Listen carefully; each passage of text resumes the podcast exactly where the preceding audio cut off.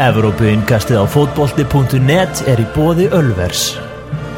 Þú finnur leikinn í beitni hjá okkur. Sem og Karoki.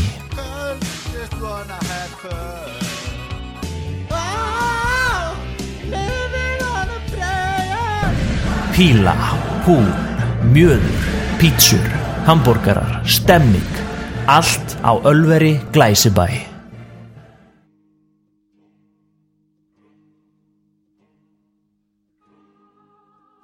Gleðilega hátíð hlustendur kærir og velkomnir með, með okkur í engastið góða Elvar Geir og Daniel Geir Moritz eru hérna feskir og, og kátir, ég er stattur í Reykjavík, þú ert ekki Vestmannum, Nei, nei, nei, nei, nei, og ég er ekki heldur í Reykjavík.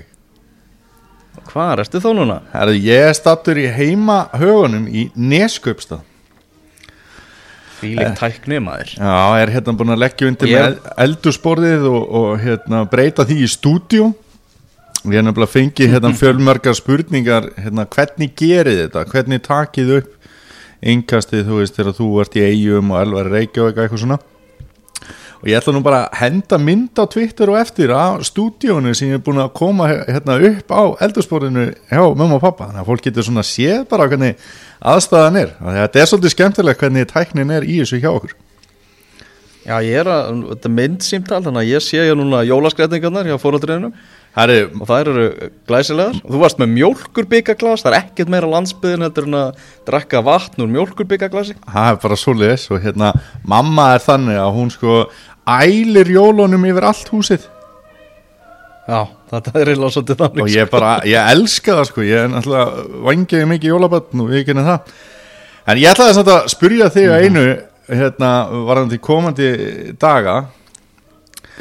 Hvort ert þú hérna eh, ert þú einn af svifriksfólkinu eða hefur þú gaman af flugveldum uh, Ég er gaman að því að þarna horfa á flugölda Mér finnst það bara mjög skemmtilegt, sko. Já, já, En ég fæ enga ánæg hins vegar eitthvað að því að sprengja þá sjálfur. Ég sé ekki alveg svona veginn tilgangin því. Ég verð frekar fúll ef það er, þú veist lélegt í kringum hana í, í sprengingunum, sko. Já. En ég, þú veist, ég vil bara vera að fá með bjór og bara horfa á þetta, sko. Ég nenni ekki að vera eitthvað fyrta með einhvern eld og eitthvað, sko. Þannig legg- Þannig er ég, þannig þú leggur ekkert að mörgum en hefur rosalega gaman að þessu. Algjörlega. Það lýsir mér bara nákvæmlega. En þú veist að þú getur núna að þetta er orðið svo mikið steik að núna er hægt að kaupa tré hjá björgunarsveitinu Í álfurinni Já, það er bara þeir sem að velja styrkja björgunarsveitinar en er á móti svona kvellettum og svona þeir geta keift tré Æ, ég, Ok. ég, myndi, ég myndi segja það ákveðin sigur hjá þessu fólki.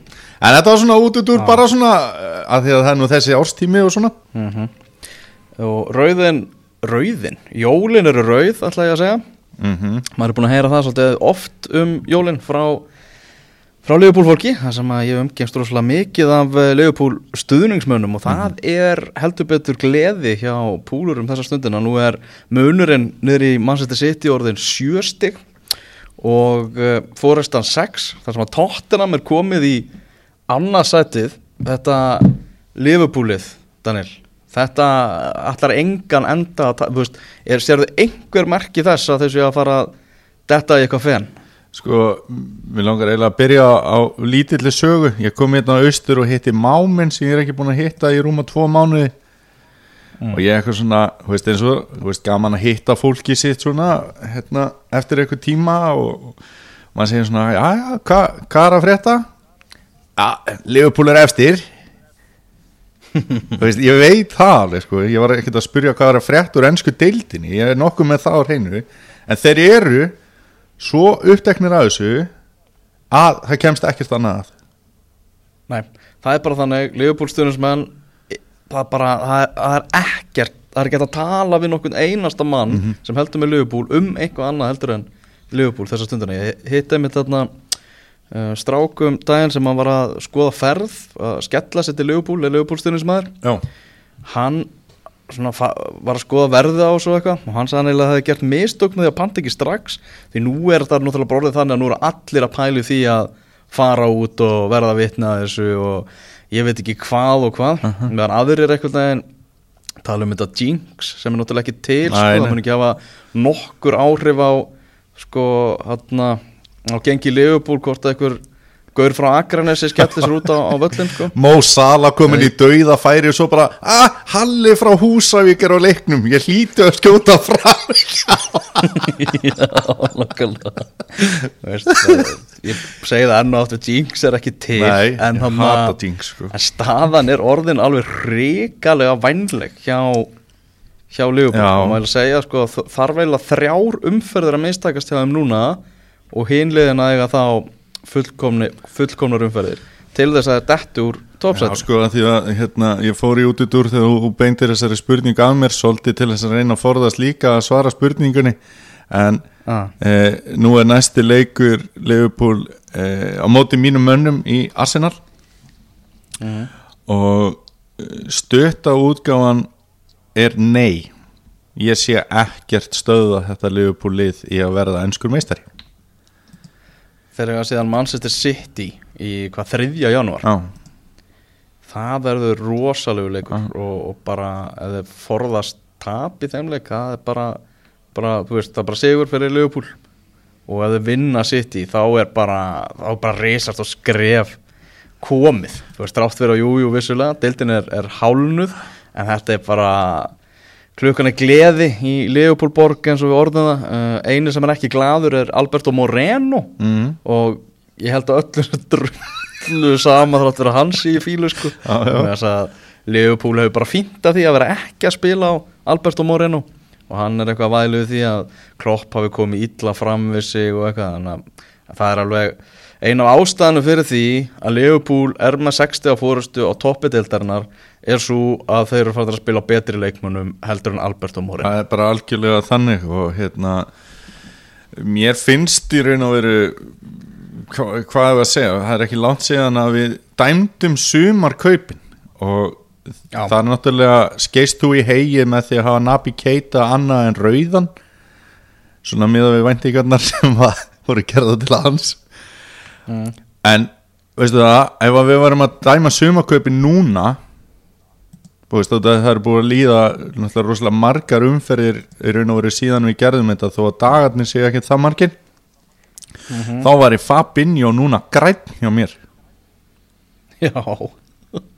Hann er bara, þú veist, klopp nóg. Það er bara þannig, hann, hann veit þetta. Já, og hann er bara búin að vera gjörsanlega frábær í síðustu leikjum og kannski hvað besti leikmaður Liverpool svona í allra síðustu leikjum á samt náttúrulega usual suspect sko. Þannig að hérna, hann er að koma virkilega vel inn í þetta og mér finnst einhvern veginn að því hún nefnir eins og Alberto Moreno, það eru ekki margir einhvern veginn í þessu Liverpool liði sem að maður hugsar þegar þeir eru að spila bara nei, nei, nei, nei, nei hvað er þessi að gera inn á og ég held að Liverpool stuðningsmenn meira að segja að hugsi það miklu frekar heldur um að sjálfur að þó að þeir hafa nú oft verið svona eins og bara stuðningsmenn liða eru ansi blindir á gæði eigin leikmanna. Og þá bara skil ég ekki til dæmis báttið sem að Jordan Henderson hefur fengið. Og ég þreytist ekki á að, minnast á það. Ég meina Þetta er bara eins og þegar Ray Parlour var í Arsenal ef að Arsenal aðdáðandur hefur alltaf verið að einhvern veginn svona drulla yfir hann eða United stuðningsmenn að drulla við Darren Fletcher og eitthvað, þetta er bara gæi sem þú þart að hafa í svona hóp og Henderson er náttúrulega mjög oft talsert betri en engin og um, síðan er eins og Hann var, hann var virkilega góður í svona leiki í gær Já, virkilega góður í gær. Mótspyrnan Mótspyrnan í leiknum í gær var mikið minni heldur en ég bjóst við.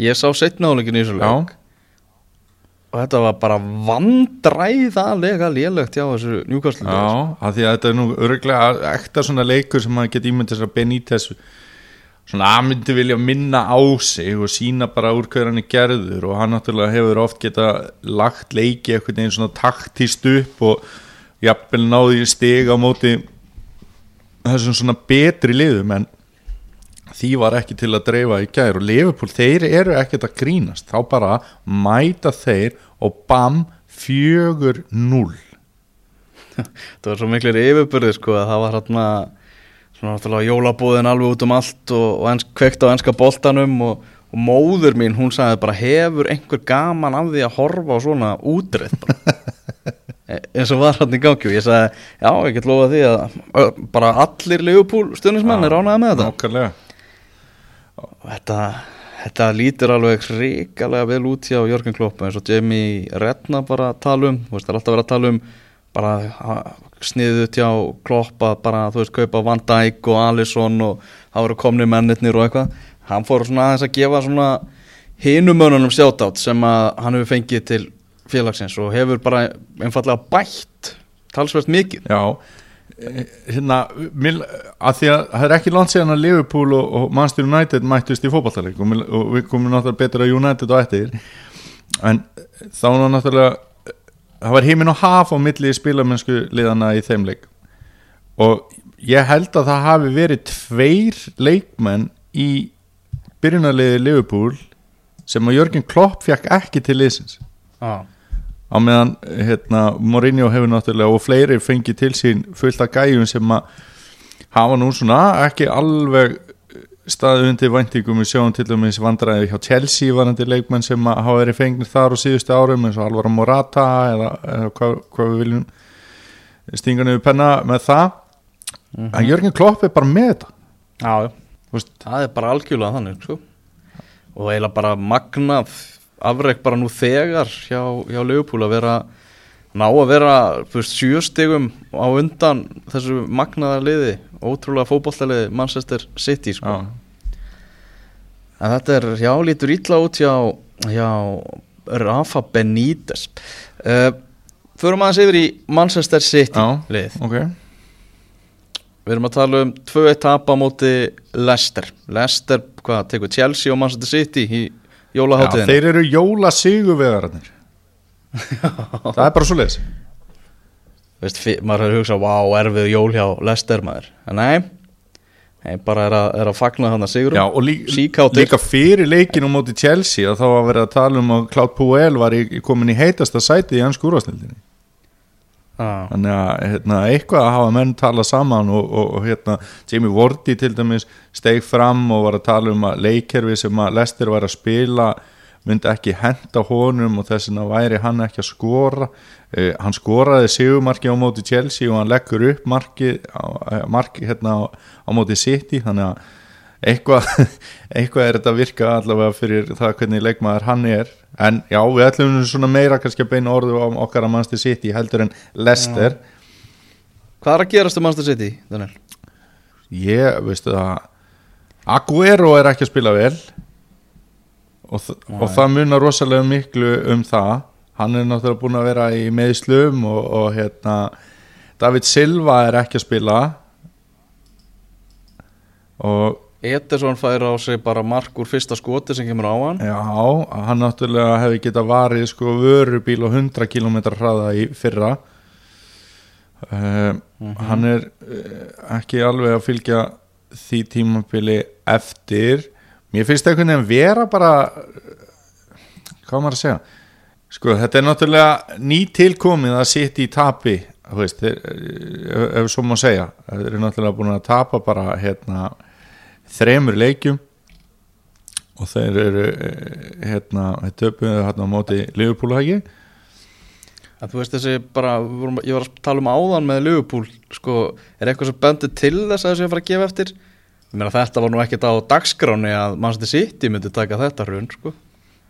Nei, ég er sammálað því en hérna varnarleikurinn þú, ert, þú ert ekki með svör. Nei, men, varnarleikurinn samt sko að hérna, þeir tóku hérna, byrju, hvaða leikur var það sem að e, e, e, e, já, á móti Everton það sem að hérna, e, sitt í vinnu 3-1 að þá var Everton að fá sjensa í þeim leik og maður fór svona að hugsa byrju, hvernig, nei þau, já, þau töpu á móti Chelsea og sjálfsögðu hérna, e, þeir eru með þrjú töp í desember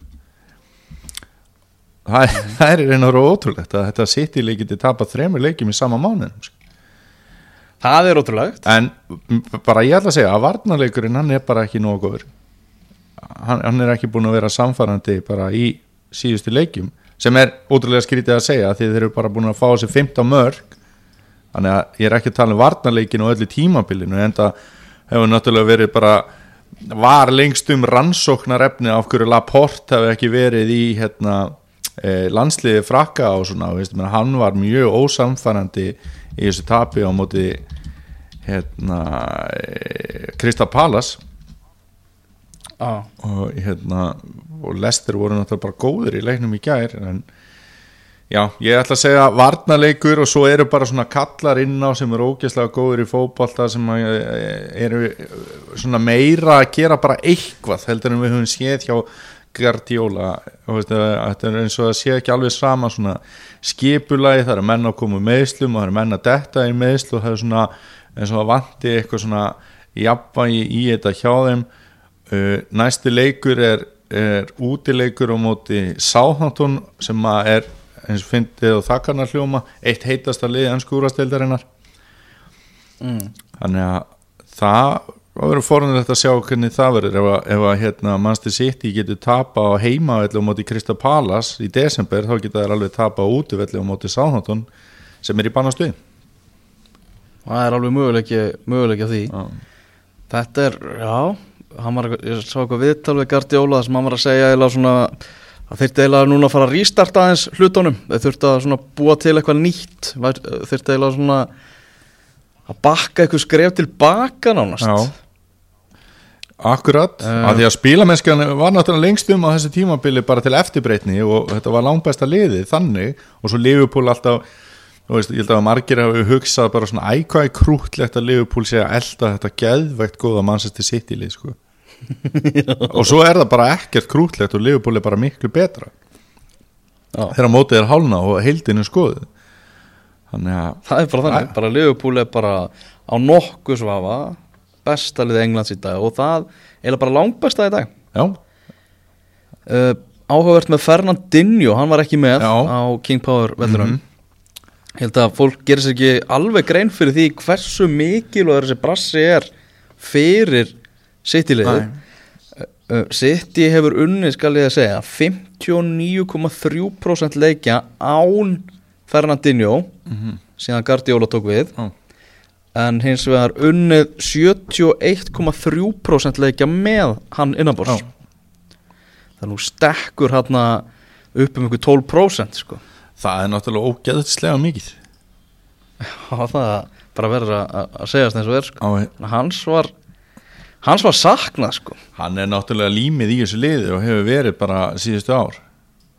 getur sagt, sagt mér hver er næstu leikir City er við Það er þessu útileikur hérna á móti Sáðantón hann sem er hérna 30. á sunnudaginn og svo er það bara leikurinn á móti Liverpool. Já, svo er náttúrulega bara leikunum út af Liverpool, auðvitað. Já, já, ég skal segja eitthvað það, sko. En- þannig, En hvað hérna, Þannig er staðan í veist, hvernig, hérna, því að mér langar að, að, að kannski við förum bara aðeins í næsta lið, að því að ég held að þú veist, ég held að þeirra leið liggi ekki, eh, þú veist, neðar í töfluna og þetta er ekkert einhvern veginn svona byrjun af einhver afróði, ég held að þetta hafi verið bara einhver skýta mánuður og svo bara mæta þeir aftur galvaskir sko, þú veist, hvað sem að veri fyrir eða eftir en að eða hvernig það verður. Og, og mun alveg minna Liverpool menn á að ef að þeir eru að mistiga sig að þá minka bara fórustan sem þeir hafa og, og svoleiðis. Og þetta er þetta náttúrulega kandidatar í að verða enski mistarar, það er ekki eins og verði bara lélegir að tapa nokkur leikjum, ég menna það gerist í fótballta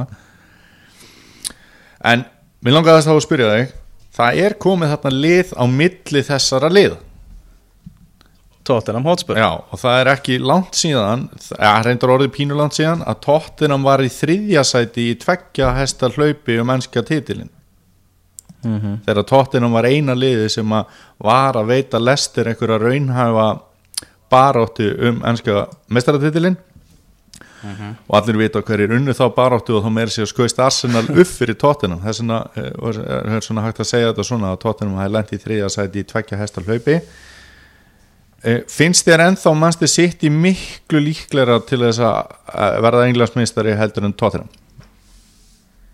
Uh, mið, já, mér finnst það. Já. Mér finnst það miklu líklega. ok, ákverju Sko, þetta hefur gengið alveg fáránlega vel hjá Tottenham á þessu tíma. Það, það er bara þannig. Liðið náttúrulega styrtir sér ekki til sumar og með að við það sem að Pochettino er að segja núna þá er liðið ekki að fara að styrkja sig heldur í janúarklukkanum núna. Mhm. og bara leikmannahópurinn er með meiri breytt hjá Manchester City og er með meiri gæði mm. uh, þannig að ég held að City sé ennþá alveg talsvert líklegra hinbúin hefur allt gengið bara ve- vel á óskum hjá tóttin að vinna þennan 5-0 sigur á móti Bournemouth í gær þar sem að vantaði til að mynda Dele Alli í, í liðið. Akkurat. Þannig að það er hann hann ætti að vera með á móti, það er svona vonast þess að vera með á móti úlfunum. En þetta kemur líka óvart þetta bara 5-0 á móti Bournemouth. Því að Bournemouth er ekkert, ekkert galið fótballtalið þrátt verið að sé svolítið fljótt að halli undan fæti þeir eru komin núna í neðri hluta töflunar Tottenham er búið að skora 11 mörk í síðustu tveimur leikjum. Já, já. Þetta er, þetta er magna dæmi sko. Og hérna bara þessi gæjar þú veist, Ali, Son Kane og Eriksen. Og svo er hérna Lukas Móra og Lamela hafa svona verið að ba- bakka þetta svolítið upp en þessi fjórir mér finnst þegar þeir eru í stuði og eins og í leiknum í gær og svo líka í hérna, leiknum á móti Everton minnst þetta skemmtilegasti sóknarboltin í dildinni já. Og vörnin hjá Tottenham er heldur ekkert grín þeir eru búin að fá sig átján mörg þeir eru í reyndar þeir eru búin að fá sig meira heldur en Chelsea City og Liverpool er búin að fá sig sjö mörg þetta er náttúrulega bara eitthvað rugl sko. Og þeir eru algjörlega í sérflokki þannig að Tottenham er þarna bara svona já, þar á eftir með næst bestu vördina á samt þessum liðum það er svo lítið sem munar sko Mhm. Eh, það er eitt sem að Tottenham hefur fram yfir Liverpool núna fyrir kannski komandi leiki ef maður veit ekki alveg hvernig svoleiðis virkar samt það hérna, hefur nú stundu verið reynd og ekkit endilega gengið upp það er að Tottenham er búið að rótera aðeins meira svona sínum köllum. Já, Harry Kane hefur verið kvíldur og tekin út af uh, svo er hérna, Eriksen og Alli þeir hafa ekkert endilega alltaf verið í byrjunarliðinu og, og, og, hérna, og þar fram eftir göttunum og Son ekki heldur. En þeir hafa samt unnið bara alla þessa leiki og eru náttúrulega á einhverju svaka skriði þannig að það er spurning svona eh, í kannski næstu umferði hvort að það sé eitthvað sem að mun vinna með tóttinam að Positino hefur komist upp með það að rótera svona og með að Jörgen Klopp hefur ekki gert það að sama skapi. Heldur að það hefur að hafa ykkur áhrif? Ja, þetta var mjög áhugavert sko vegna þess að Pochettino, ég getum orðað þannig hefur sínt pung með þessu. Mm hann hann hefur gefast sér grein fyrir því að með því að vera rótara svona mikið þá er hann að bjóða upp að ef þetta gengur ekki upp að hann er bara bókstæla tekin á lífi sko. Algjörlega. En liðið fór áfram í meistaradelt Evrópu og, og er bara komið í annarsætti í hans skúrasteldinni þannig að hinga til hefur þetta gengið alveg frábærlega hjá hann þrátt fyrir að þeir hafi eðlilega hyggstaði gegnum einhverja leiki en uh, þetta, og svo veit maður ekki hvað kannski gefur nýju völlurinn hjá þeim séðan líka bara eitthvað mega boost sko. mm og kannski verður þetta tótt en að Liverpool, kannski verður það bara þann sko. já allavega eh, þú veist það er erfitt þú veist, ég, ég ætla ekki að útiloka. Nei, nákvæmlega Né sko. Ég er sammála því og hérna þeir hafa núna hefur byrjað að tala svona um það bara, já já ég man nú ekki hvað að stjórið það var sem var að segja hvort það hefur bara verið Jörgen Klopp að nú var þess að tóttinam komið að alvöru í baráttuna og, og nú ættu þeir að fara að finna fyrir pressu. Mm. ég veit ekki hvað tóttinam finnur endilega mikið fyrir pressu ennþá sko, þó þessi séu kominir í annað sæti og eitthvað veist, þeir náttúrulega fara inn í þetta tímabil það sem að er svona stór efast um að þeir nái veist, þeir keiftu engan og hérna og svona ennþá verið að tala um einhverjum myndi vilja fara og veistu, vesen náttúrulega búið að vera á Danny Rose og eitthvað svona. Og Tóbi Alderværeld ekki síður. En, nún, en núna verðist einhvern veginn bara búið að vera að læja allar öldur og, og hérna og veist, já, ég veit ekki ég heitlast bara rosalega að þessu lið Nei, það. svo, það er svo rosalega svona þjætt stemming eitthvað í, í þessu tóttinarlið svona, það er svo mikil liðseld og, og menn er eitthvað veginn svo mikið í þessu fyrir hvort annan Já. að ég held eitthvað veginn að að þeir bara ná að kýla alla pressu frá sér Já. sko. þeir hugsa ekkert út í það sko. akkurat og, svo leikmaður sem hefur verið að stíga mikið upp kannski svona síðasta árið kannski bara þetta almanags ár það er Erik Dyer hann, hann er náttúrulega ekkert búin að vera með núna í svolítið tíma og þeir hafa bara og, og saknar hans enginn sko því að árangurinn hefur verið, verið það góður er hann, saknar hans engin uh, Næsta lið sem við skulum fara út í er, það er Manchester United. Já, Það hefur ímestlegt gest hjá Manchester United síðan innkastið var tekið síðast já, upp. Þeir eru konum með nýjan stjóra fyrir ykkur hlustundur sem ekki vissu það. Uh, Skemmtana stjóran Óli Gunnar Solskjær sem að bara einhvern veginn gerði nákvæmlega allt rétt og hefur, og hefur gert það hinga til. Uh, Það er einhverju sem að þarna segja skilur við, veist, Man- Manchester United stuðningsmenn eru bara núna svífandi um á bleiku skíi sko. Ég, ég kom við á Ölveri og okkar styrtaræðila í, í gær. Mhm. í uh, hálfleik sko staðurinn var sneisa fullur, það var uppselt í stæði. Já, og þannig hefur þetta ekki verið og þá er ég að tala um í salnum þar sem Manchester United var síndur aha. leikurinn. Þannig hefur þetta svo sannlega ekki verið á þessu uh, það er bara aftur einhvern veginn búið að pumpa upp gleðina. Svo eitthvað viðtal við Ryan Giggs þar sem hann var að tala um að hann var í stúkunni og fann bara fyrir allir allt í einu mega jákvæðir og, og svaka stuð. Það er einhverjir svona stundismenn annar að liða búin að kýtast í United stundismenn og segja betur hvað, þetta er Huddersfield og Cardiff sko. mitt en þetta snýst um sko, svo mikið um skemmtanagildið. Það snýst ekki um það bara að það hafi komið sex punktar á móti Cardiff og nei. Þetta snýst um það að, að liðspili skemmtilega, fótbolta að þú veist að það sé gleði sem skýnir frá leikmunum og, og það sé bara aftur ánægulegt að horfa á þetta lið. Og það er það sem að einhvern veginn solskjör þurft að koma með og hefur komið með hinga til, hann er náttúrulega pérlega búin að gera nákvæmlega allt rétt. Já. og út, út af við náttúrulega þvílitt næs og talar allt upp og, og allt það en menn eru mikið að tala um það sem að voru með honum í klefanum á, á sínu tíma að bak við þetta barslega andlit þá væri samt grjótarður einstaklingur sem að hefði bilandi trú á sjálfum sér og væri óhrættur við að segja sína skoðun á, á öllum hlutum. Já, já. þannig að Ég veit eiginlega ekki hvar maður á að byrja með þetta dæmi sko. Uh, Sko ég er ennþá ég er ennþá þar að ég á mig draum um að halda mig liði sem að Hosei Mourinho þjálfar. Mm og veist, ég er bara, ég er ennþá þar. Og ég, held, ég held með Morinni og þannig að ég vona að þetta sé ekki að fara að sigla í þrótt hjá hann já, nákvæmlega. Hann muni aftur munum við að sjá hann einhvern tíman vera með eitthvað handabendingar og segja, heyrðu, ég var að taka hennan titil og þú veist, bara gæin eins og þegar þeir vinna Juventus sem að lappar hérna og tekur um eirað á sér og bara "Hva- hvað er það að segja núna fuckers og eitthvað, þú veist? Ég, ég dyrka hann að gæja sko.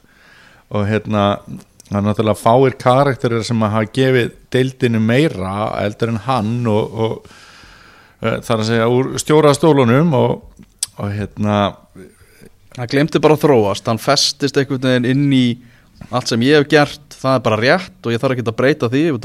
Ég er búin að vinna þetta marga titla í fortíðinu og eitthvað hann glemti einhvern veginn að aðlast Já, sko, en þá spyr maður sér líka, þú veist, gleymda aðlagast hverju, þú veist, gleymda hana aðlagast því að, að, að, hérna, að menn væru tilbúinu til að mæta með sitt hverja hárgreisluna í áttaleiki röð og væru ekki að spila eins og hann vildi.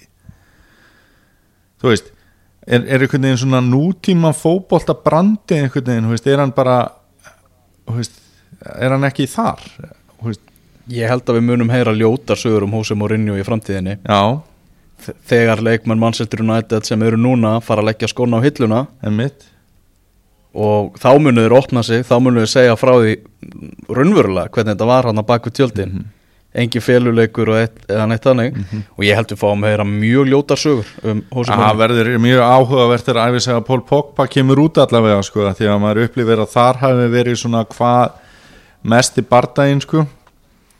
Menna, sjáðu Pól Pogba núna, hann er bara besti miðumæður í Evrópi bara eins og hendi sér veifa. Ekki búin að geta raskat í marga Nei, mánu sko, mér finnst samt líka hérna, eh, einn annar punktur og svo, svo skal ég aðeins venda hvaðið mínu í kross sko, en einn annar punktur. Hversu galið þú veist, sama þó að ég var að þjálfa mannstyrun eða þú, eða Solskjær eða bara hver sem er hversu galið er það að þetta hafi verið fyrsti leikur Manchester United þar sem að þeir voru að hlaupa meira heldur en anstæðingurinn Veist, það er ótrúlegt. Þá er ég að tala um leikinu móti Cardiff. Þetta var fyrsti leikurinn á tímabilinar var þar sem að þeir voru tilbúnir til þess að hlaupa meira heldur en anstæðingurinn það er náttúrulega alveg, alveg rétt og svona, þú veist, bara skemmt epli, getur við, þú veist, talað um það í, í leikmannofnum, líka bara leikmann fyrir að átta sig á því að þeir eru ekki að gera þetta bara fyrir Hósi Mourinho, þeir lúta að vera að gera þetta fyrir félagið og, og klúbbin og stuðnusmennin og sjálfan sig og eitthvað, það er nenni ekki að hlaupa bara vegna þess að fíl ekki stjóran er svolítið léleg Nei, sko, bara í næsta húsi við, við Halla og Húsavík sem heldur með Liverpool er, er Bjarni sem að heldur með Manchester United. Og hann fór á einhverja leiki skilur og hann hafi farið bara þú veist, með fluffilagi í Íslands bara hérna, til Reykjavíkur og borga fyrir það 70 skall fram og tilbaka og farið síðan til Manchester og gista á einhver hóteli að horfa á liði sem hann er búin að halda með síðan 1971 og það nennir ekki að hlaupa. Já. það er fáránlegt. Það er bara gjössanlega, gjössanlega en fara þá ok, þá, sk- þá ætla ég að venda hvaði minni í kross af hverju voru þessi gæjar ekki að hlaupa? Þú veist, þurftu þeir að fara í þessa ömurlegu vegferð þessa ömurlegu tækni til þess að losna undan fjötrum hósum Mourinho sem að var einhvern veginn að gera mikið meira ógagn heldur en gagn? Ég held þetta sé einhvern veginn þetta sé meðvita, meðvitað samt ómeðvitað einhvern veginn hjá þeim bara þú veist, þegar þeir líður vel og þegar þeir finnst gaman þú veist, þá spilar bara ómeðvitað betur. Já, já. ég meina eins og voru að tala um þegar Lester var englansmistari þá heldur nú myndaðast einhver mega stemming og Ranieri alltaf með pizzavislur og, og allt hannig og grímu böll þú veist, bara, já, þú veist, ánæðir leikmenn eru betri leikmenn. Já, og líka einhvern veginn andrúsloftið bara sem var búið að skapast það bara einhvern veginn drópen ómeðvita niður held ég. Já. ég, held, ég efast um mér að hugsa ég ætla að vera ókesslega lélur í svona leik sko. en bara einhvern veginn það, það bara gerist það bara er einhvern veginn það er eitt eitthvað sálrænt eitthvað sem ég bara er ekki nægilega fróður í sko. Nei, en ég held að það sé óhætt að segja að Jose Mourinho hafi reynt allt til þess að kveika bál sko.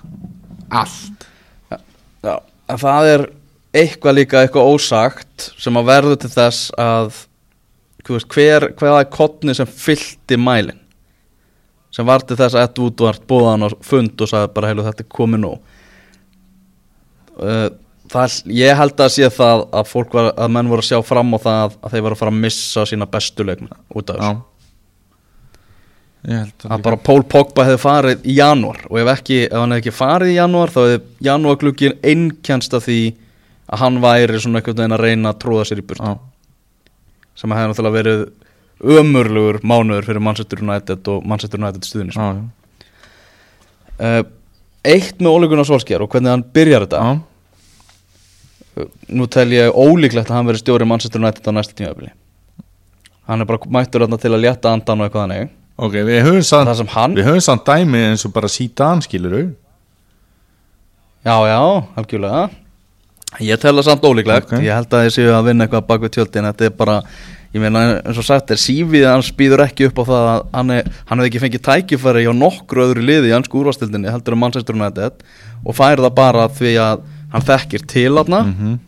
Og er náttúrulega legend sem leikmaður þarna og tryggði sigur í meistarateldinni Já, já. Þú veist, það er, það er ástæðan. Aha. uh, hann er hins vegar með þessu að taka þetta starf að sér heldur betur held ég að opna dyrnar aftur fyrir sig í Premier League. Ok. Veist ef hann skilar þessu tímabili bara fínt vel og, og svona þú veist heldur áfram að vera fyndin á fréttamannafundum og grínast með það að, að Marcial sem er lélegan kokk og hann hafi vext og eitthvað. Aha. þú veist Mourinho hefði hann er spurt bara, "Bíddu, hvar er Marcial hvað er í gangi með hann hann bara, nú, hann hefði tautað og raulað og, og verið fúll og eitthvað. Solskjær eitthvað þess Ok. gerði grínaði hann vantar eitt besta leikmannin í liðinu hjá mér. Hann lítur að vera með vondan kokk já, skilur og já. svo hló allir fréttamennir og svo fóru þeir og unnu þrjú eitt. Og, og knúsuðust í öllum mörkunum og, og, allir rosa hressi sko. þú veist þetta er svona þetta er ótrúlega fljótt eitthvað að breytast og, og, og þeir eru eitthvað neginn svo ótrúlega óleikir óleikuna Solskjær og, og Hósamorinu En þá spyrir maður sér líka þú veist, hérna eh, það er nú ekki eins og Jose Mourinho hafa alltaf verið með eitthvað lömb í klefanum hjá sér sko nei, nei. og eiginlega því meira svona hvað maður að segja fyrir utan náttúrulega núna Alexis Sanchez og Paul Pogba en kannski því meiri svona að segja erfileikar sem að hefði verið hægt að fara í því betur hefur jafnvel Mourinho gengið með það sko. Veist, þá er ég, að- að tala um Didier Drogba og Diego Costa og, og veist, eitthvað svona gæja. Ok nú kemur að því að það er einhver fótbaltamæður í Manchester United sem mun ekki fara eftir því sem Solskjær byður um. Mm veist, það er bara þannig. Hvernig tekur hann á því þú veist, hann getur náttúrulega verið grjótarður í einhverjum hérna e, svona, einhverjum fótbolta í Nóri þar sem hann er besti fótboltamaður í sögur Nóreksleiku við. Og veist, og hérna með bara gríðarlega mikla virðingu, en ef það er Paul Pogba eða Alexis Sanchez sem er einhvern veginn að sína einhverja hegðun eða, eða framistuðu sem að þeir gerði hjá Jose Mourinho veist, hvernig hvernig, þú veist, Solskjær er held ég alveg með bein í nefinu og mun alveg bara svona, já já strákar þetta gengur ekki lengur og eitthvað svona -hmm. með norskum hreim sem er reyndar fyndnara sko og veist, já. munið þeir eitthvað hlusta á það? Pottet Á hverju?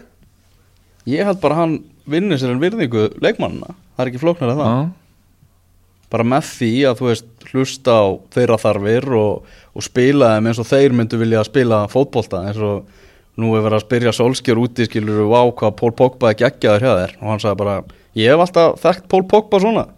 Þú veist, ég var með hann í varaliðinu og hann var alltaf bara voða glaður og brosandi og varst ógeðslega gaman að spila og leggja upp og skora og, og, og alltaf í stuði sko. já, þannig að ég, ég held að þarna að þið, þú veist með því að vera jákvæður í hans garð og, og, og allt það og þegar ef hann bregst þér og þú bara, þú veist, segir það hreint út við hann þá held ég að hann svona að minna, hann er mannlegur, við erum að trúa því allavega, sko, þrátt fyrir að hann hafi hægðað sér á mörgum tífiðum bara eins og fáviti Já, og veist, hvort sem maður hann eða einhver annar skilur, ég bara meina að þú veist, hefur hann þetta svona stóra presens að, að hérna að, að þú veist, leikminn taki marka á því þegar hann þarf að gaggrina á sko. Þetta er bara spurning sem að þú veist, forraðamenn Manchester United þurfa að spyrja sig og þurfa að komast að á þessu tímafili Já, en þú veist, einhvern veginn neikvæðin hefur verið það mikil að Solskjær kemst alveg upp með það að, að það komi lélegi leikir sko. Já, já, bara ef hann næri að halda svona jákvæðina áfram í gegnum þetta og, og Manchester United fær alltaf á sig mörg bara vartaleikurinn er ömulugur og þá á bara að spila sóknarleik eins og Solskjær hefur verið að gera og skora bara meira heldur en anstæðingurinn við er því að mestu gæðiliðsins eru fram á við, Já, já. alveg klálega og ég held að menn eins og Lukaku og Alexis Sanchez sem hafa ekki verið með núna en hafa horta á þess að tvo leiki ég held að þeir séu bara, heyrðu, wow ég vil taka þátt í þessu.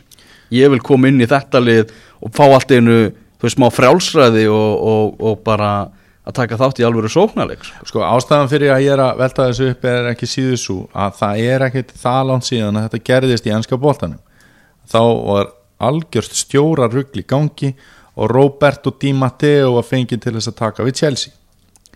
Hann er ekki jafn mikið legend eh, og Solskjaer er hjá United en hann er engu að síður hérna, mjög vinsæll þegar hann kemur til Chelsea sem stjóri hjá Chelsea stuðnismönnum ég meina hann, hann verður Evrópumestari með Chelsea hérna, sem leikmaður í hérna, byggarkeppninni og árangurinn var stórkostlegur hann vinnur meistaradildina með eitthvað lið sem var búið að hérna, spila umurlega og fær samning heldur áfram svo er eitthvað sem gerist þar að hann næri ekki til leikmannana og, og, og framistæðan á tímabilinu eftir og verður það slök að hann er rekin eftir bara ekki droslega marga leiki sko. en þú ert reyndar svona frekar fastur í þeirri skoðun að Solskjær verði ekki stjóri United á næsta tímabili Ég tel að bara mjög ólíklegt að hann verði það sko. Ekki nema eitthvað bara ótrúlega gerist að bara, hann bara sigli United í úslitaleg Champions League eða eitthvað sko.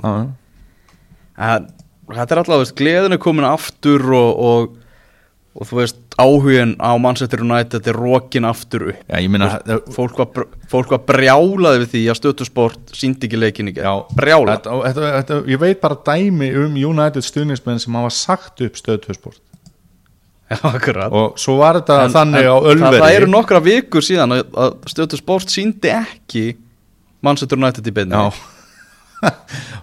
Þá heyrðist við alltaf múk. akkurat og þetta var líka þannig á Ölveri að maður settist nýður og var að horfa á United leik og settist með United stuðnismönnum og svo, svo kom Bjarki sem er að vinna þarna kannski með hambúrgarapöntin bara númer 23 3, 3, 3, 3 það er bara bergmálaðan inni sko. Já, já. en fara þetta er, þetta er svona góð þægileg byrjun fyrir Solskjær það verður að segja þess að þeir eiga uh, leik uh, hvað móti South nei, Bournemouth Já, Bormóð næst og síðan er Newcastle úti. Já. það getur bara komið 6 punktar í viðbútt á, á Solskjærin hana. Já. Og síðan er yfir í þína menn í Arsenal. Ok. Hversu mikið var þetta Una Emery að kenna að þeir unnuðu ekki Brighton í ger Ég myndi segja svona 100% hversu mikið mistök voru hjá hann um að taka með svo dösil að velli í háleik bara mjög mikil, mér fannst sko ég hef nú sagt þetta áður, ég skal segja þetta bara einu sinni enn, þegar Shaka, Guendouzi og Torreira eru allir inn á að þá gengur Arsenal ekki vel. Mm. Veist, það, það er bara þetta eru of líkir leikmenn á mörgu leiti, þú veist hver hlutar þeirra eiga að vera. Þegar Torreira og Shaka fá bara að vera á miðjunni í friði þá gengur Arsenal vel. Ah. og það er algjör óþarfi í einhvern leik á móti hérna Brighton sem að er ekki næsti með jafn mikið gæði í leikmannahopnu sínum á Arsenal. Að vera með þessa gæja alla inn á og svo ertu með þú veist í Vópi og Aron Ramsey til dæmis á bekknum sem eru leikmenn sem eru miklu líkleri til þess að gefa fram á við heldur en heldur en til dæmis Guendouzi. Og þá er ég ekkert að tala um að einhver af þessum þremur hafi verið eitthvað sérstaklega lélugur, bara blandan í liðinu var bara ekki rétt, þessi leikur var ekki réttlaður upp. Og svo náttúrulega var ekki að hjálpa að, að Stefan Líktsteiner var gjörsamlega hörmulegur í þessu leik og náttúrulega tóka bara á sig að leggja upp jöfninamarkið á Lakadia sem að skoraði þarna fyrir Brighton. Og, og veist, það kemur svona löng sending fram og fyrir það fyrsta að þá er líktstænir komin á sinn vallarhelming og svolítið langt inn á hann. Þannig að leikmaðurinn er réttstæður. Á meðan það var, mm var annar varnamaður með honum eða hann hefði bara beðið þá hefði hann aldrei fengið þetta mikið svæði. Og svo náttúrulega kemur Bent Leno á móti og, og, og hérna eins og við rýmumst alltaf að gerir sitt besta en, en skaðin var bara skeður og líkt stænir skallar hérna eitthvað fáranlega bolta, hann var hann gæti ekki gefið fyrir, hann gæti illa varist hann var alveg svakalega slakur í leiknum í ger en mér fannst eins og ég segi mér fannst upplegið ránt og við söknuðum mikið Bellerín í þessum leik. Og ég hefði frekar látið Maitland Niles spila heldur en líkt stænir því að hann hefur bara svona verið ágættur, hann kom síðan inn og átti að reyna að búa eitthvað rosa mikið til og hann var bara ekki alveg í takt við leikinu þetta gekk ekki upp og mér finnst þetta bara já já, ekki nóg með það heldur þá líka það sem að hérna, margir eru ósáttir með og ég til dæmis er í Facebook eh, svona grúpu með mínu liði eins og svo margir með sínu liði og þar eru menn að undra sig mikið á því að okkur er laka settir alltaf tekin út af. Mm -hmm. menn á hvað hefur hérna e, bara sóknamaður skora mörg mörg á síðustu mínútonum þú veist, bara hvað gera strækjarar það mikið? Veist, þeir eru búin að vera inn á alla leikin Lacazette er næst líklegastur í assina til að skora mark. Sama hverju er inn á veist, spila hann bara út leikin Hann var allavega ekki sáttur með að vera tekinn út og ég skila mér. Nei, nei, og að ég veit ekki, mér fannst þetta andlaust og, og, og, og bara lélegt og, og mér fannst þessi leiku líka að þetta á móti börnlegi sem að var á undan sem að vannst 3-1 mér fannst hann ágætur en mér fannst hann ekkert eitthvað svona frábær og mm. það reyndar hérna átti Ösil góðan leik og, og var með fyrirlega bandi og svo fann hann sig ekki í fyrirháleiknum og þá er hann bara, er hann bara fórna strax. Það Já, ég var ekki sáttur með Emery sem að ég hef verið frekjar sáttur við.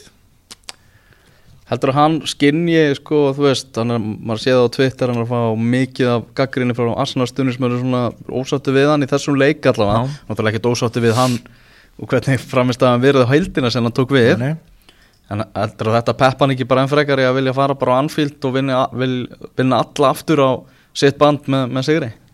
Ég, sko ég held að hann sé alveg með bara ákveði plan í gangi og eitthvað á, ég held að hann sé kannski ekkit mikið að leita upp í umali á Twitter og, og, og, og spá í þau. En, en hérna ef við maður spáir í bara svona út frá úrslitum í leikamóti Brighton og þá eru þau vombriði og þá hlýtur liðið að vilja gýra sig betur í að, vinna Liverpool af því að það er hérna, það er ákveðið undir í þeim leik líka sem að hérna kannski ekki allir eru að gera sér grein fyrir. En nú hefur mikið verið að tala um að Liverpool geti slegið þess vegna stigamett og jafnvel markamett þó að það sé hérna, verði gríðarlega erfitt að því að sitt í sló náttúrulega þessi met á síðasta tímabili.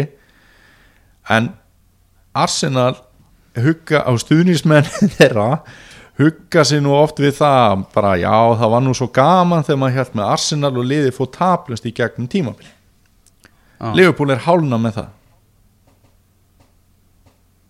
Þannig að- það er nefnilega þannig. þannig. Og þannig að ég held að margir hugsi nú líka um það hvort sem að leikmennir eru að velta því fyrir sig eða ekki en þá kemur örgulega pressa frá stuðningsmennir um að þetta verði ekki eins og United mætti Liverpool um daginn það það sem að verður bara svona lagt einhverjum biluðum rútum. Þannig að, þannig að jú, ég held að þeir hljóta að koma dýrvillisir í þann leik. An, annað, annað er náttúrulega bara skandal Já, stiklum á stóru svona í ímsu öðru sko Una Emery sparkaði þarna einhverju vassflösku upp í stúku og sá rosalega mikið eftir því og baðast afsökunar og dómar þar ákveðu bara ekki að gera skýslu um það. Mm. uh, ok, gott og blessað. Uh, Sala tekur þessa dífu þarna og ennska knastbyrðursambandi ákveður að láta dífunöfndina ekki vera að skoða það. Mm uh, sko ég veit ekki hvað, mér finnst bara enn og aftur það er svo mikið ósamræmi einhvern veginn í öllu hjá ennska knastbyndursambandinu, það er einhvern veginn erum við enn og að skoða þetta, nei einhvern veginn, ég ætla ekki að vera með einhverja samsæðiskenningar um að eitt lið sleppi betur en annað, en það er ekkert samræmi finnst mér í nokkru sem við kemur einhverjum svona mál Nei, sko, hvað maður að segja? Ég, ég til dæmis, mér finnst alveg finnst eðlilegt eins og þetta með Emery í gær að að hérna, hann fengi eitthvað tiltal skilur hann er náttúrulega nýr í deildinni og er kannski ekki með langan sakaferil við getum orðað það sem svo sko. Já, en hann ger ekki neitt finnst mér pínu skrítið. En hafandi sagt það þá er ég alveg ánæður með að sjá hann bara sparki brúsa og vera pyrraður sko, bara sem stuðningsmaður.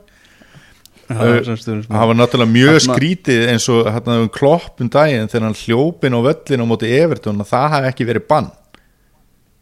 Og veist þannig að já, mér finnst vanta ég er sammálegar með mér finnst vanta en þá hefði ég líka samt verið ánægð með það sem stuðnismæður Liverpool að hann hefði hlaupið inn á því að bann í næsta leik og eftir hefði nú væntalega ekki skipt öllu máli.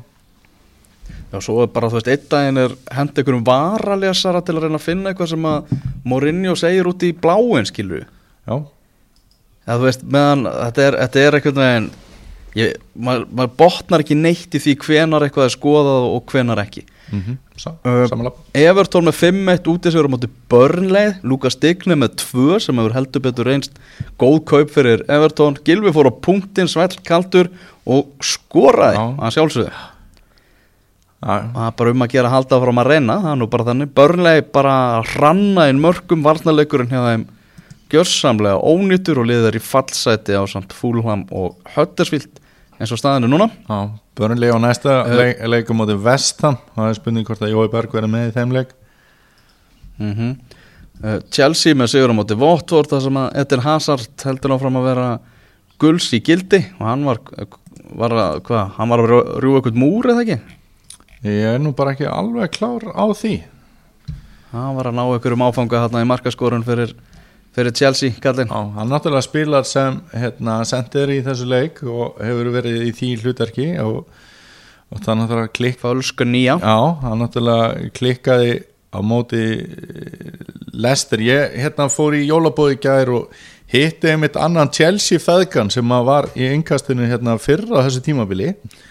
Já, og var að spyrja svona hvernig líst þér á þetta með Chelsea og, og, og allt þetta? Og, og hann er bara ánaður honum finnst bara hérna, liðið spila skemmtilegan bolta og hann fattar alveg þetta með Horginni og hérna aftast og, og vera með kanti sem svona framar og, og, talaði um að bara ef að hérna eh, Sarri var eitthvað að breyta þessu og þá væri Sarri að breyta bara því sem að hann stendur fyrir og hann átti ekkit vona á öðru en þetta er einhvern veginn svona fyrst að Horkinni og keiftur og, og finnst liðið bara uh, skemmtilegt og, og náttúrulega pyrraður eftir hennan leik uh, á móti Lester þar sem hefði töpu hann var ekki pyrraður einhvern veginn á liðinu hann var meira svona pyrraður bara á örlugunum sko, því að Chelsea átti þarna skot í treverki og var gott í leiknum þó þeir hafði tapað, þú veist, voru að skapa færi og þetta var svona óhefni tap að hans mati sko Þannig- Chelsea og Arsenal eru svolítið á svona sama stað bara með nýja þjálfara og, og nú er bara að dansa með sko. -hmm. Já, já, nákvæmlega. Þetta, er, þetta var svona segja, tímabil það sem að stuðningsmenn Arsenal og Chelsea gáttu kannski ekki farið inn í með mikla væntingar a- aðrar en að, að sjá kannski skemmtilegan fótbolta. Já uh, Crystal Palace og Cardiff gerðu markalust jafntefli. Ég hérna sá okkur tölfra um það að, að það var að kalla Roy Hodgson sko grins það sem að hann leikir undir hans stjórnum jólin eru vist alveg mökk gleðilegir Já, hann bara vill halda nullinu alltaf í hérna í jólaleikjunum hjá sér. Já þetta, og hann er búin að setja eitthvað englandsmet í 0-0 leikjum yfir, yfir jólin. Sko það þessi úslit komið mér rosalega óvart að því að Palas tók náttúrulega sitt í bara svona nokku samfarandi þannig. Þú veist, voru allavega mjög, mjög góðir í, í sittileiknum á undan og ég að segja hann heimaleika ymmit um jólin á móti Cardiff sem hefur ekki geta raskat út í völlum. En næ, bara stersti hjá Cardiff, þannig að ekki spurning. Heru, Top 3 bestu leikmenn fyrri hlutans í ennsku úrvasteldinni Við settum þetta saman hérna á hundavaði rétt af fyrir upptöku á þættinum. Mm -hmm. uh, Við hendum Mo Salah í þriðja seti Já, Hann er bara kominn á, á fullt skrið og hann er bara orðið gamli góði Salah aftur. Já, já, Svona, og hérna- Náttúrulega setti slána rosalega hátt og, og menn voru að reyna að finna eitthvað svona minnstu tilöfni til þess að koma eitthvað skot á hann en hann er bara búin að vera geggjað Já, hann er búin að vera gerðslega frábær og hérna, og svolítið fyndið þegar vorum að setja saman hann lista að við vorum rosalega sammála. Já. að nú er, er þú svona þekktu fyrir að vera ekki með jafngóða skoðanir og ég en við vorum mjög sammála um þennan lista þannig að Sko, hefði við sett hann saman sko, í sitt hverju lagi, ég hef ekki sett hann svona saman sko. en mér fannst bara sko, þú veist með Son og, og kost með það í annarsæti Já, mér, ég setti svon, hann hérna eh, að pínu kannski ósangjart að því að hérna, hann spilaði ekki byrjun móts og þetta eru þá bara 19 leikir undir að því að hann var að tryggja sig það að þurfa ekki að taka þátt í hernum en hann er bara búin að vera svo geggjaður og sérstaklega náttúrulega núna upp á síkasti og, og, og dagblæði í dag er alltaf skemmtilegasta dagblæði Þannig að, en hérna, hann á, minnst hann er að fyllilega skilja að fara á svona top 3 lista og mér finnst hann vera svona stærsta ástæðan í skemmtilegum sóknarleik tóttina. Hann er bara einn stærst ástæð þess að tóttina mér í öðru man, bara, þú veist að hann, hva, hversu mikið hann hefur stíð upp og setið þess að þegar við vantað eitthvað í liðið þá, þá hef, hefur þeirra ekki verið saknað. Næ, og hann getur allt einhvern veginn, hann er ógeðslega fljótur, hann er leikinn, hann er nokkur hraustur, hann getur alveg svona, hvað maður að segja, stíð inn í menn og tekið boltan og, og, og, og svo bara verið dúrasel kanina og, bara, hann verður seint sakaður um að sína ekki leik gleði það er svona auðvelt að að honum hann er, hann er bara geggjaður sko. Í efsta sæti besti leikmaður eh, fyrstu 19 umferðina í ennsku úrvalstildinni að mati innkastsins er Virgil van Dijk varnamaður Liverpool. Það er búið að segja allt sem hægt er að segja um Virgil van Dijk en ofbóðslega er hann búinn að vera geggjaður. Var náttúrulega gaman að fá föstudagsleik hann um daginn, Liverpool Wolves og hérna rétt fyrir jólin. Og þar í, í Wolves er Adama Traori hann er rosalega fljótur að hlaupa. Hann átti ekki séns í Van Dijk. Af því að hann Hann er bara með allt sem að geggjaður hafsend hann steig hann bara einhvern veginn svona steig inn í hlaupaleðirnar og hann las alltaf bara hvað hann ætlaði að gera. Að sjálfsögum myndi trári vinna í 100 metra hlaupi en fótboltið er sem betur fyrir ekki bara svoleiðis. Og, og hérna þannig að hann bara hraðin sem er, hann er að sína styrkurinn sem er að sína í loftinu ég meina hann hatar ekki að skalla boltan í burtu. Hann er góður að senda úr vörninu og er bara góður í fótbolta og bara í alvöru tala þó að þessi 75 miljónum punta vermiði hefði verið 175 miljónum punta þá hefði það bara margborga sig ég er alveg, ég er alveg þar það- sko. Það var örgulega að þegar Leopold verður englandsmeistar það var örgulega margir að spá í verð með hann Þetta var, svo- mikið. Já. uh, Förum aðeins í Championship. Leeds með 30 sigur á móti Blackburn Rovers og Leeds er á topnum Mhm. uh, búin að vinna unnu náttúrulega magnaða sigur á móti Aston Villa. Þvílík dramatík og svo var enn meiri dramatík í þessum leikum móti Blackburn þegar klukkan sló 90 það komst Blackburn í 2-1 en Kemar Rúf skoraði tvívegis í uppbótatíma skoraði með sigumarki gegn Aston Villa í uppbótatíma um daginn. Já. Þa- þannig að hann er svolítið fyrir uppbótatíman og lýts með hann ótrúlega sigur á móti Blackburn. Og þetta þessi stig sem hann salli núna ég lýts klárar þetta. Lýts er á leiðin upp í úrvalsteltina á, á nýja Já, ég held að líka og ég held að Leeds hérna, fari ekki í umspill ég held að verði í öðru tveggja efstu sætana og mögulega verða bara deildamistrar það er bara góða líkur því, ég ætla að spá þeim bara byggar en hérna á, ef við höfum að tala um bara hvað þú vilt á skalanum 1 til 10 hversu mikið viltu fá Leeds upp? Tíu. Já, ég er sammála. Ég er bara, það er löngu komið tíma á það, við erum búin að fá fullt af svona liðum sem að maður tengist minna og, og veist, við getum alveg farið í hérna ennsku úrvastildina og valið örglega svona 5-6 lið sem við værum til í að fórna fyrir Leeds. Í lík von vann Sönderland 1-0 sigur á móti Bradford og það er áhugavert í, í, í þeim leik að það voru 46.000 áhörundur á leiknum. Já, á jólaleik í lík von og það hafa aldrei fleiri mætt á hefbundin deildarleik í, lík von deildinni. En þú ert nú búin að vera að horfa á þessa þætti hérna Söndinan til að dæ. Já, sem er á Netflix og þetta er besta íþróttaheimildasjónvarp sem að ég hef séð. Getur við hérna svona bara í, í, í stuttu máli bara svona sagt aðeins hvernig þetta er uppbyggt og bara frá þessu þáttu Uh, já, þetta er eiginlega bara svona bak við tjöldin þeir fá mikinn aðgang að uh, Sönderland og bara fylgja eftir heilu tímabili sem er síðasta tímabil hjá liðinu þegar liðið fjall úr Championship deildinni. Ok, uh, þegar Elli sem að hana, var stjórnarformar á þessu tíma skrifaði undir og ákvaða að leifa þessum gaurum. Þetta eru sumi gaurar og gerðu hana, Class of 92 myndina. Já. Uh, ákvaða bara veita um aðgang og það er, er gerðið þessi þættir. Þá var hug, hugmyndin svo að hann var á leiðin að fara að selja félagið og hugsaði þetta mun auka verðmæti félagsins bara. Ég mun bara græða enn meiri pening á þessu. Við verðum hann einhverju topparatu í Championship og förum jafnvel bara upp í Premier League á tímabilinu. En svo einhvern veginn fer allt í krísu allt sem að mögulega getur farið úrskeiðis fer úrskeiðis. Janúarklukkin ömulur, deadlandegi ömulur uh, tvílíkt ruggli gangi utanvallar og leikmenn að baktala hvern annan og, og, og stuðningsmennir þeir orðni brjálæðir og ég veit ekki hvað og hvað og það er svo mikið á momentum í þessum þáttum svo, bara við erum að fylgjast með bara Sönderlandi eða að fara til anskotans Já, ok.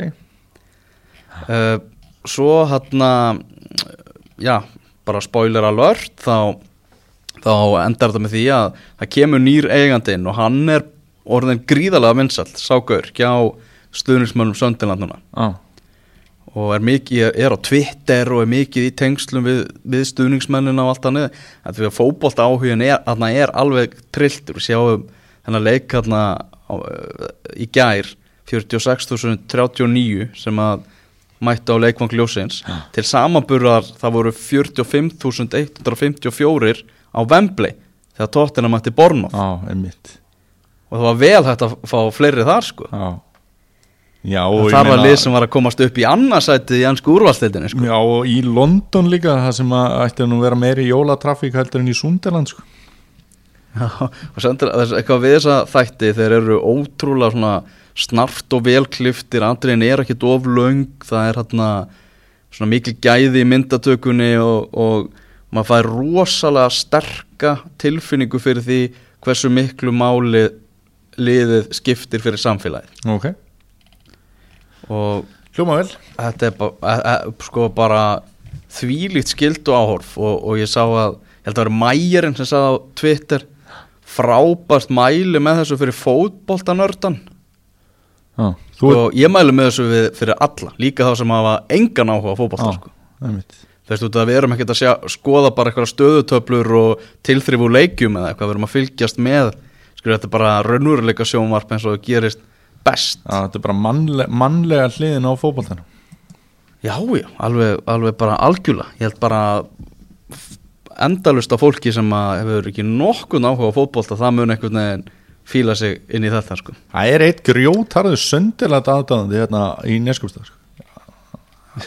hann, er, hann er ári eldri en við og hérna valdi að halda með Söndiland þegar Nile Quinn og Kevin Phillips voru hérna að stuðla ansi mörgum mörgum og, og keifti sér hérna Söndiland treyju með Phillips aftan á sem að ma maður hafði aldrei séð svona sko.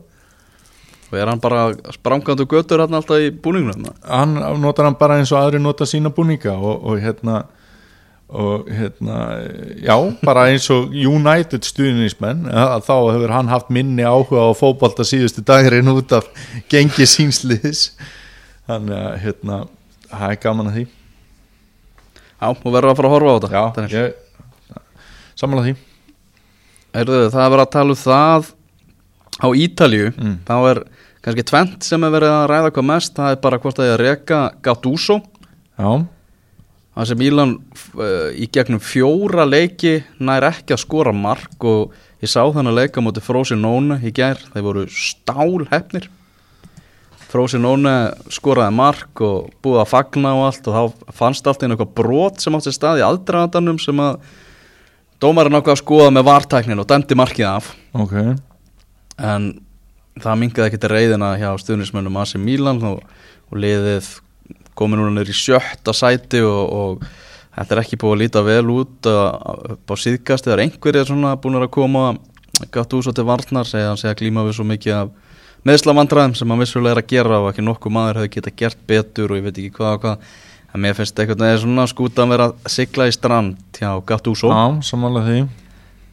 Uh, Juventus var nálægt í að tapa sínum fyrsta leik á tímabilinu gegn Atalanta voru 2-1 undir og manni færri þegar Cristiano Ronaldo kom inn á og uh, jafnaði 2-2 það er ekki tilviljun að liðið tapar ekki leik með Cristiano Ronaldo? Næ.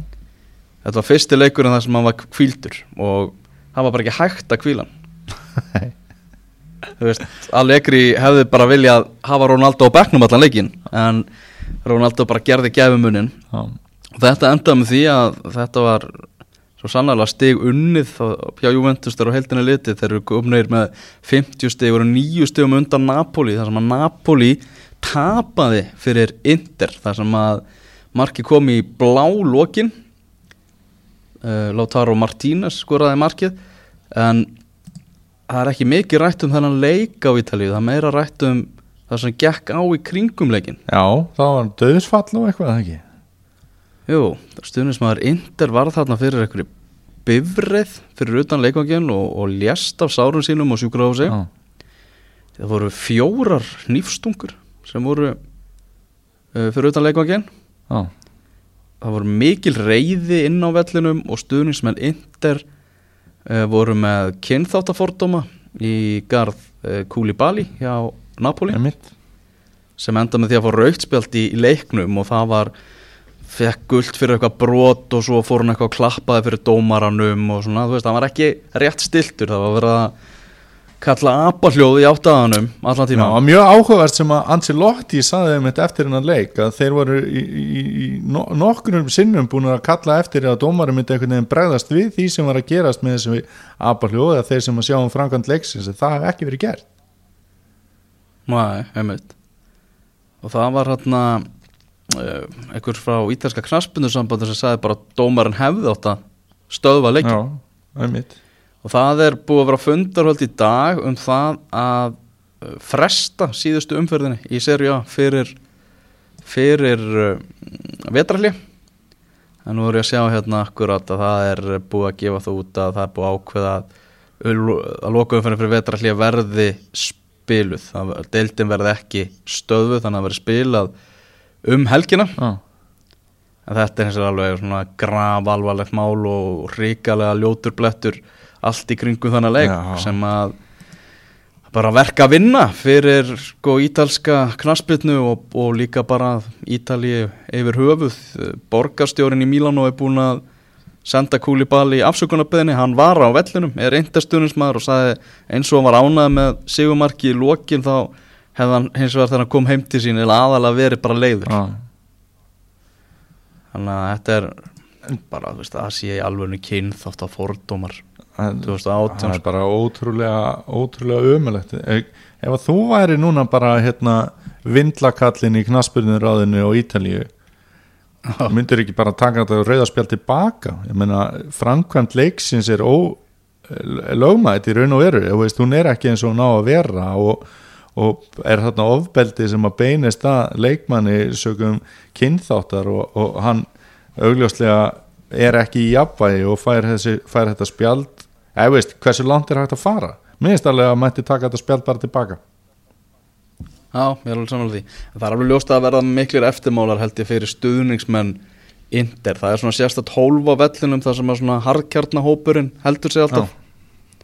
Og það verður að tala um að bara loka því hólfi núna. Já, bara spurning hversu lengi það verður og að Inder verði bannað uh, að vera með stuðningsmenn á útilegjum mm þannig að það er það er ímislegt ímislegt í þessu. Mhm. uh, eitthvað annað í, í boltanum eða kannski léttum aðeins umræðina þá uh, var aðstofadómari hérna í ansku djettildinni sem að mætti í spari sko á línuna já, hann hérna glemdi glemdi íþróttaskónum heima. Og það getur séð mynd af þessu inn á fótbolta.net þannig að hann bara var á línunni í spariskóm og annars bara rétt dressaður og, og hress sko. Það er algjör snill sko. Það er vel gert sko. Heyrðu, þetta er síðasta engast ársins 2018 já, nákvæmlega, við bara blöðurum me meira á nýja ári og, og hérna það er nú engin smá leikur sem að verður flautaðar af þegar við kannski hendum í næsta yngast, það er bara mannstu sitt í Liverpool. Ú, ég hlakka til, hlakka til. Heyrðu, takk hjá fyrir þetta Daniel og gleðileg jól. Gleðileg jól, hæ hæ